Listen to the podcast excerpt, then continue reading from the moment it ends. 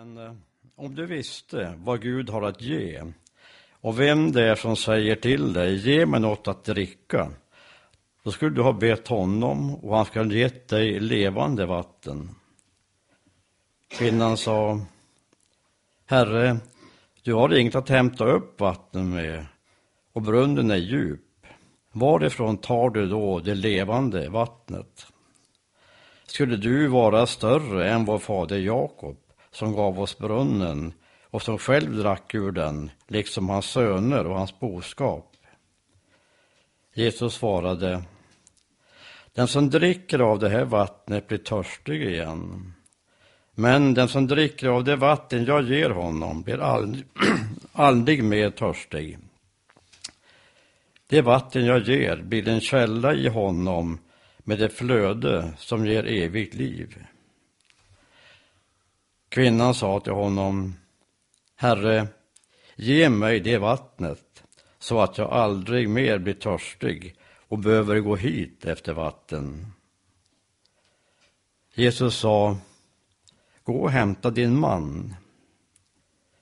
Kvinnan svarade, jag har ingen man. Och Jesus sa, du har rätt när du säger att du inte har någon man. Fem män har du haft och den du nu har är inte din man. Där talade du sanning. Kvinnan sa, Herre, jag ser att du är en profet. Våra fäder har tillbett Gud på det här berget, men ni säger att platsen där man ska tillbe honom finns i Jerusalem. Jesus svarade, Tro mig, kvinna, den tid kommer då det varken är på det här berget eller i Jerusalem som ni ska tillbe Fadern.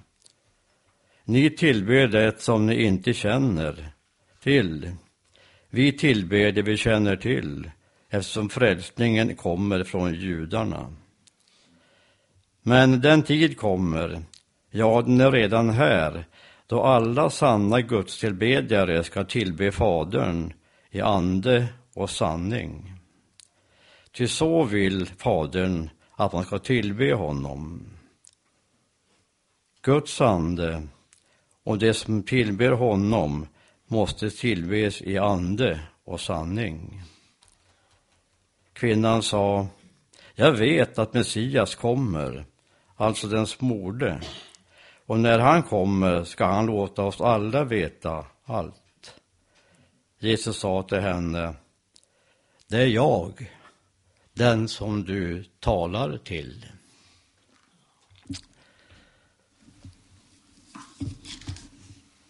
Det här är en ganska omfattande text och eh, välkänd, men ändå så tycker jag att man hittar så väldigt många olika saker som jag åtminstone kanske inte tänkt på förut.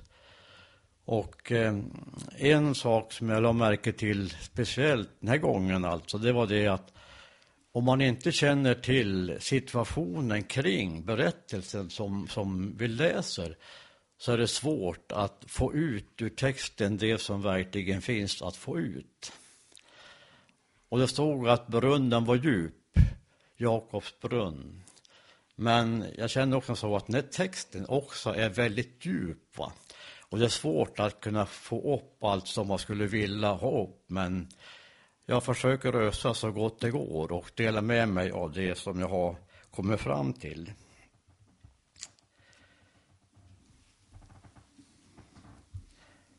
Att Jesus den här gången med sina lärjungar då på väg från Judeen till Galileen tog vägen genom Samarien, det tror jag inte var någon slump egentligen.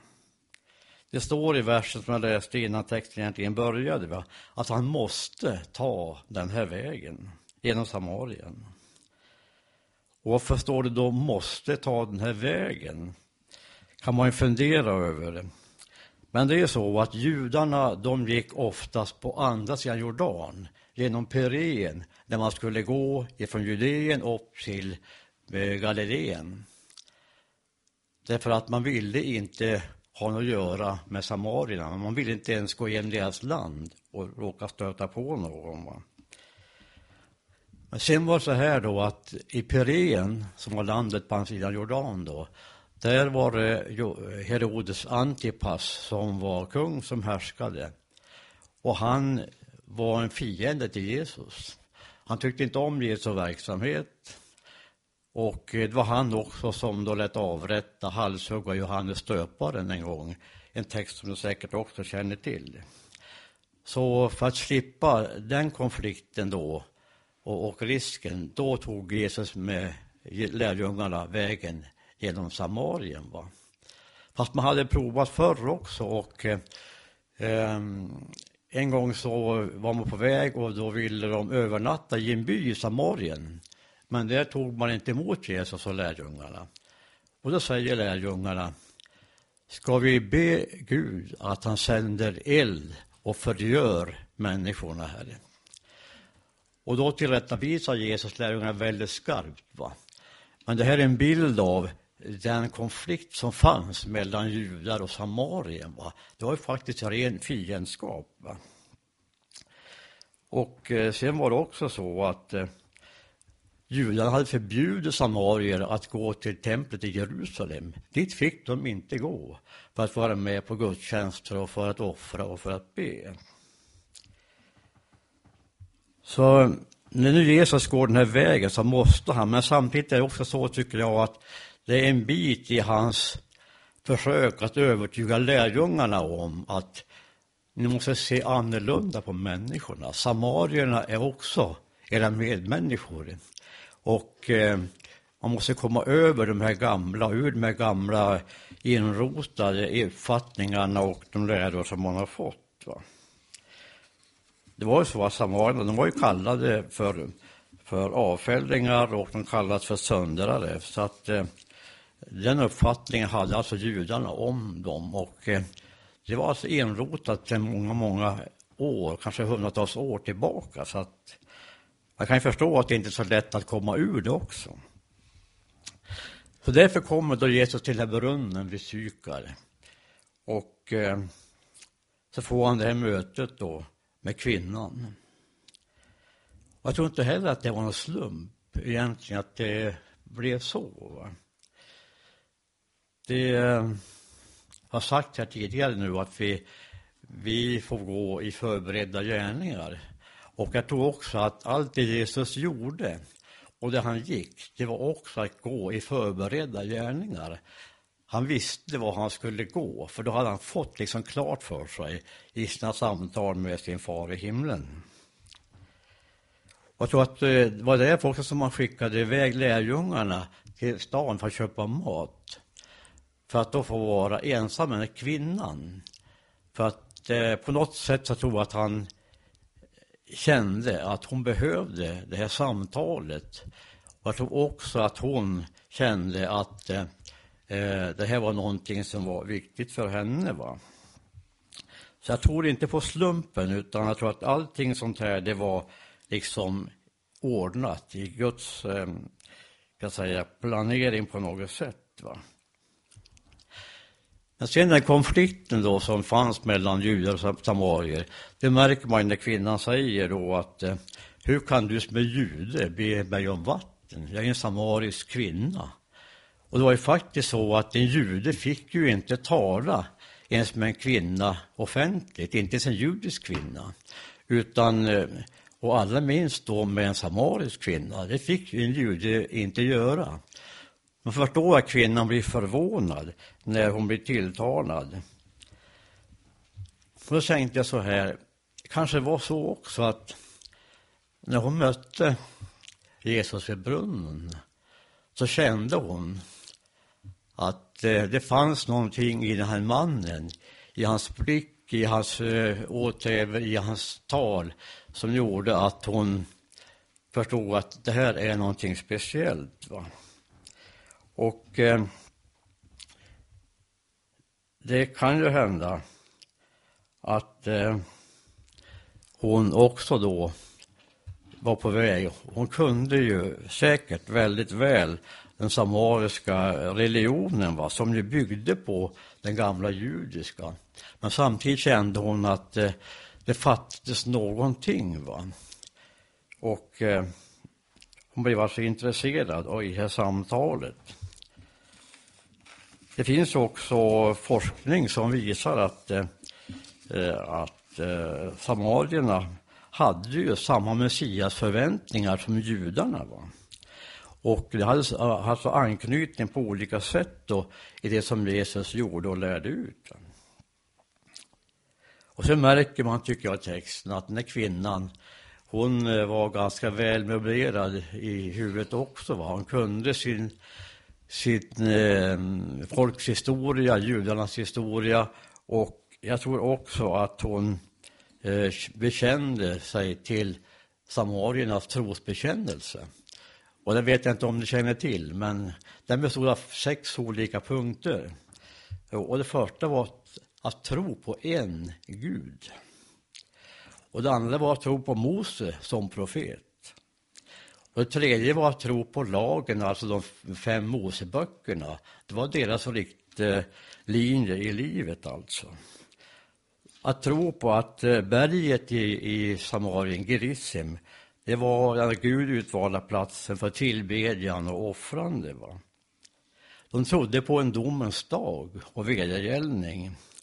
Och de trodde på för det sjätte då att Mose en gång skulle träda fram på nytt och eh, som en slags återupprättare av tillståndet i landet.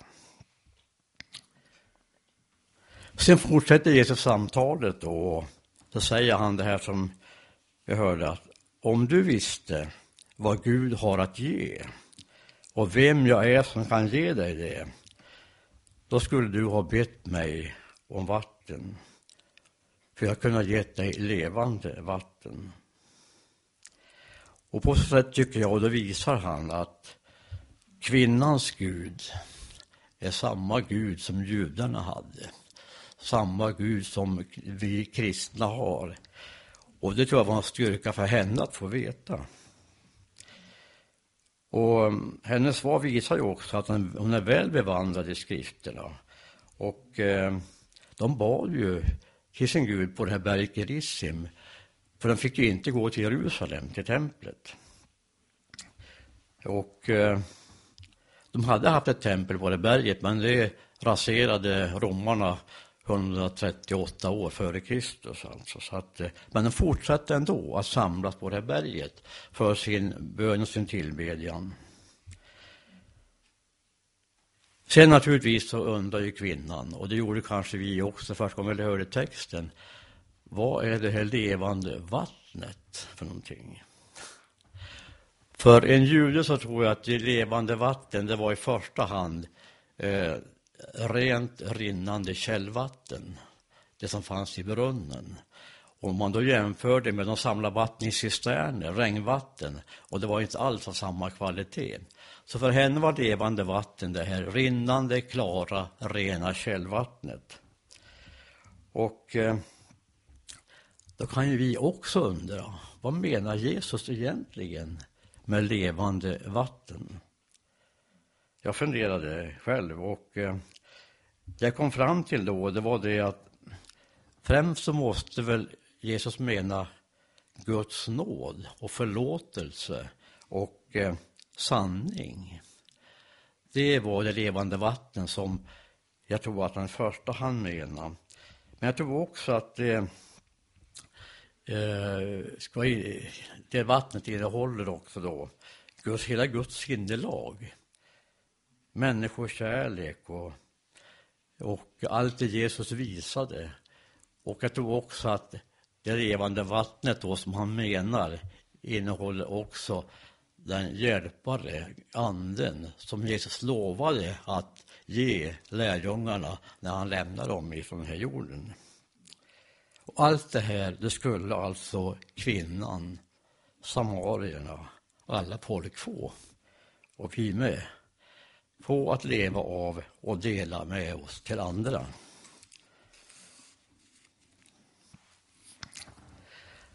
Och då ber kvinnan naturligtvis då Herre, ge mig det vattnet så jag inte behöver törsta eller komma hit igen för att få det.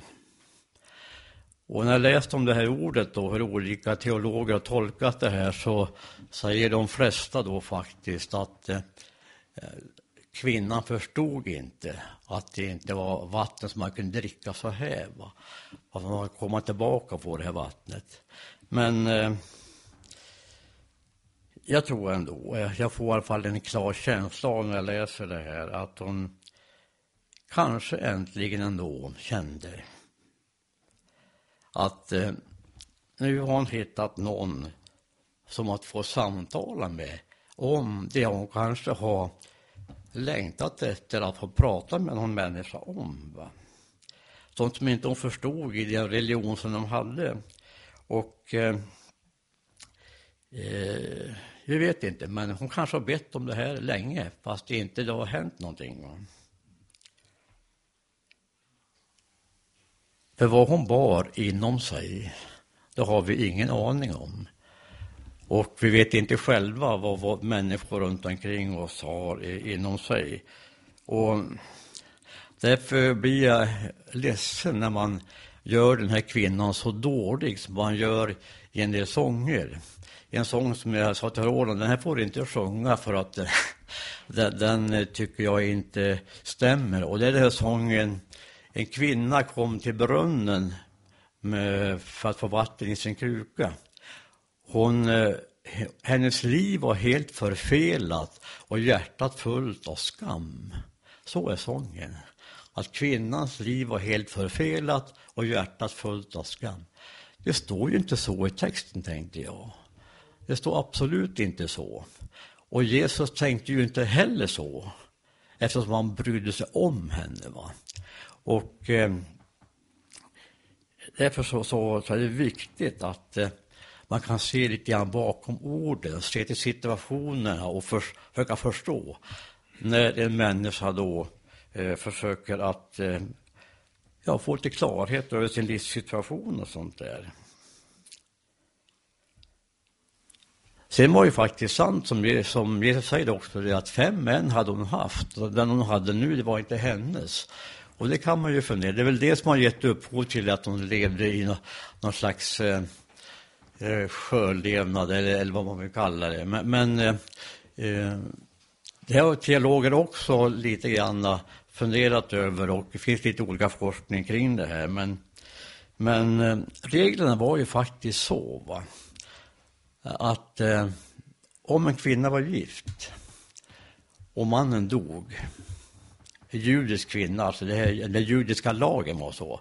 Om en, en kvinna eh, som var gift miste sin man, han dog, då var mannens bror skyldig att ta hand om den kvinnan och kanske gifta sig med henne. Så den kvinnan kunde vara änka faktiskt ett par, tre gånger, det vet vi ju inte. va.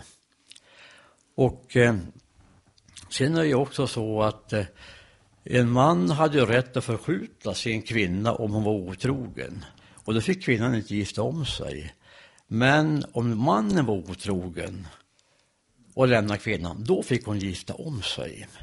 Så det kan ju hända att hon haft en man eller män som har dött bort ifrån henne. Hon kan ha haft en man som försköt henne för att han ville ha en annan och då fick hon också gifta om sig. Och, och på så vis så kan man förklara också det här med de här fem männen.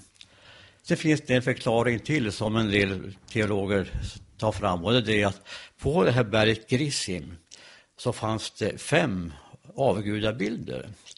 Och samarierna var ju ett blandfolk, alla möjliga, från alla möjliga länder som hade ockuperat landet och folk hade flyttat in. Så det fanns många olika nationaliteter egentligen bland samarierna. Och var och en av de här hade kanske sina offerplatser och sina gudar som de bad till. Och sen fanns det också då en offerplats som de här samarierna också då som hade den här judiska bakgrunden där de kunde tillbe sin gud alltså. Och då blir det ju fem stycken som kanske kvinnan hade provat de andra, andra människornas religioner och, och sin egen men inte fått det riktiga svaret som hon ville ha. Och nu står hon här med Jesus och så får hon svar på en massa sådana här frågor. Och eh, det måste ju kännas enormt skönt för henne. Va?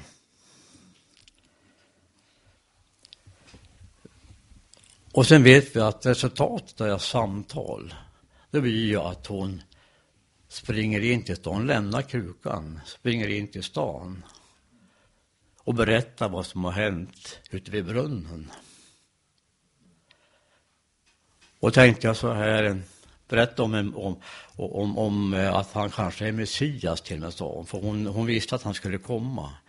Eh, och eh, då tänkte jag så här, om hon har varit så dålig som vi ibland gör henne då i texterna, vem skulle ha trott på henne då? Va? Om hon kommer och springer i stan och säger att jag mötte en man ute vid brunnen och, och han säger att han är Messias och eh, kom, kom och, och lyssna. Struntprat har de säkert sagt om de har känt kvinnan som en, en, en ja, som det står i, i en del översättningar, hora eller något sånt här. Va? Men nu sprang folk ut tillbaka. De gick ut till brunnen. Och det står ju också att många kom till tro. För den här kvinnans skull. Det är rätt fantastiskt, eller hur? Och eh, det, eh, det är sånt här som jag tycker att Jesus försöker visa, lärjungarna visar folket och eh, visa också egentligen vad, vad eh, det här begreppet levande vatten betyder. Va? Så allt det här som man, jag tycker jag har läst om det här nu, det, det pekar på att man har, Jesus försöker få folk att förstå varandra, få lärjungarna att förstå att ni måste komma ur de här gamla enrotade lärorna och vanorna och se människor som medmänniskor istället för att eh, jag faktiskt fördöma dem och kalla dem för allt möjligt. Va? Så eh, kvinnan blev alltså förvandlad, det måste man ju faktiskt säga. Och hon var den första som fick veta att Jesus var Messias. Det var en samarisk kvinna som fick veta det. Också ganska fantastiskt. Och då slut så har jag tänkt, ställt mig den här frågan själv då. Var finns vår tids Samarien? Inte geografiskt, utan sett ur mänskligt perspektiv. Och var finns den här kvinnan som kom till brunnen? Finns hon i vårt samhälle? Kvinnan som man ser ner på, som betraktas som en främling, som en invandrare som inte man vill ha att göra med, som en syndare, som ett begrepp som vi ofta tyvärr använder i, i, i kristna kretsar. Va? Vi kan fundera lite grann. Och då kommer också nästa fråga till mig själv alltså. Vad är det att vara kristen idag i vårt land? Och det måste väl ändå vara att, eh, att tala om Gud, men inte bara då inom samfunds och trosgränser. Va? Utan eh, inte bara heller när det gäller tillkortakommanden och i samband med synd och skuld. Va? Utan när vi talar om vad livet kan ge. Det Guds gåvor som Jesus talade om till kvinnan som han skulle kunna ge. Att visa på Guds nåd och sanning, Guds sinnelag och människokärlek och tala om de gåvor som eh, i andra sammanhang då eh, eh, man kan ha hjälparen till hjälp att lösa. Och ehm, det liksom aktualiserar för mig också det här med vad är det att vara i kyrka idag? Oavsett samfund. Kyrka, att vara kyrka idag, det måste vara att man är till för andra. Om man ska ta det i nytestamentlig mening. Att vara kyrka är att vara till för andra. Sen kan det finnas olika samfund, men alla är ju då en kyrka om man då eh, har i den kristna bakgrunden. Va? Och att man låter människor komma in i den här gemenskapen och slippa leva utanförskap. Som jag kan tänka mig att den här kvinnan kanske då äntligen då fick uppleva också. Att komma in i en gemenskap och känna ett människovärde. Så att vara kristen, att vara kyrka, det är att vara människa bland människor. Precis som Jesus blev för kvinnan vid brunnen någon för andra och för hela världen. Sen talar vi mycket om att vi ska ta avstånd från världen och det är ju någonting som jag också uppväxt med, va? att man fick inte vara ute i världen. Va? Och eh, nu kan jag tänka lite annorlunda. Eh, det är ju i världen vi lever, varenda dag. Och då går det ju inte att vara kyrka i sann mening om vi ska ta avstånd från världen. Vi finns ju där varenda dag, varenda en av oss. Va? Att vara kyrka, att vara kristen, det får bli mitt slutord. Det är att vara i världen för andra människor också. Va? Amen. Gud, du som råder över himmel och jord. Du som är livets källa och som med Jesus visat oss vår kyrkas uppgift i vår tid, i vårt samhälle. Hjälp oss att öppna våra ögon, våra hjärtan, våra sinnen så vi förstår vad det är att leva som kyrka som kristen och kan bli en källa till liv, en livets källa för andra. Amen.